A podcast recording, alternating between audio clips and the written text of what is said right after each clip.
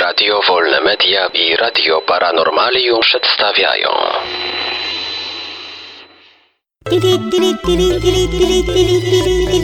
Dziwne informacje.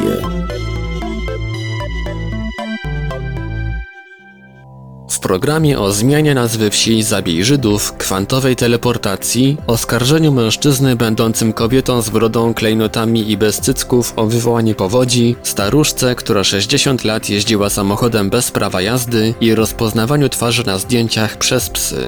Panie, panowie, psy i obojnaki, zapraszamy do wysłuchania dziwnych informacji. Wieś Zabij Żydów zmieniła nazwę.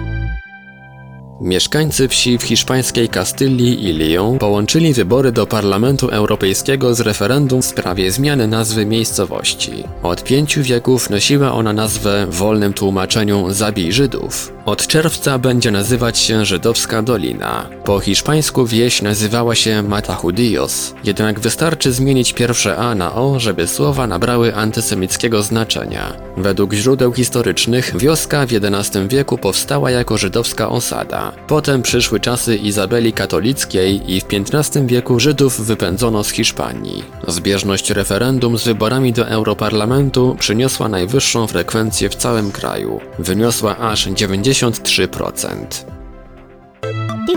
Kwantowa teleportacja na 3 metry.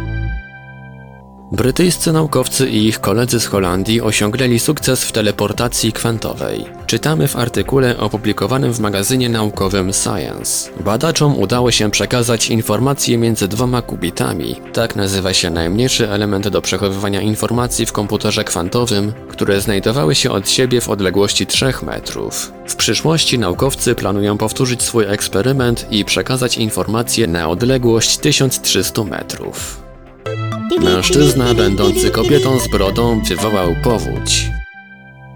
Serbscy działacze religijni są przekonani, że powodem największej powodzi w ciągu 100 lat na Bałkanach, w której zginęło ponad 50 osób, było zwycięstwo Conchity Wurst na Eurowizji. Poinformowały media. Religijni liderzy oświadczyli, że powódź była swego rodzaju karą Bożą za zwycięstwo Wurst i że w taki sposób Bóg ostrzega ludzi, aby nie oddawali się namiętnościom. W nocy z 10 na 11 maja w Kopenhadze odbył się finał europejskiego konkursu piosenki Eurowizja 2014, który wygrał, wygrała, wygrało Conchita Wurst.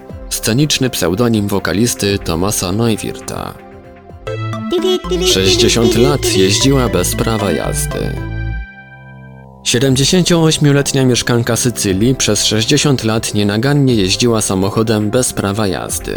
Wpadła podczas rutynowej kontroli drogowej. Gdy karabinierzy na Sycylii poprosili ją o prawa jazdy, wyjaśniła, że nie ma go przy sobie. Funkcjonariusze sprawdzili w rejestrach, czy ma uprawnienia do prowadzenia pojazdu i odkryli, że starsza kobieta w ogóle nie miała takiego dokumentu. Nigdy wcześniej nie została skontrolowana, nigdy nie spowodowała żadnego wypadku, ani nie została ukarana za złamanie przepisów kodeksu drogowego. Mistrzyni kierownicy skonfiskowano natomiast samochód, a teraz odpowie za prowadzenie auta bez prawa jazdy.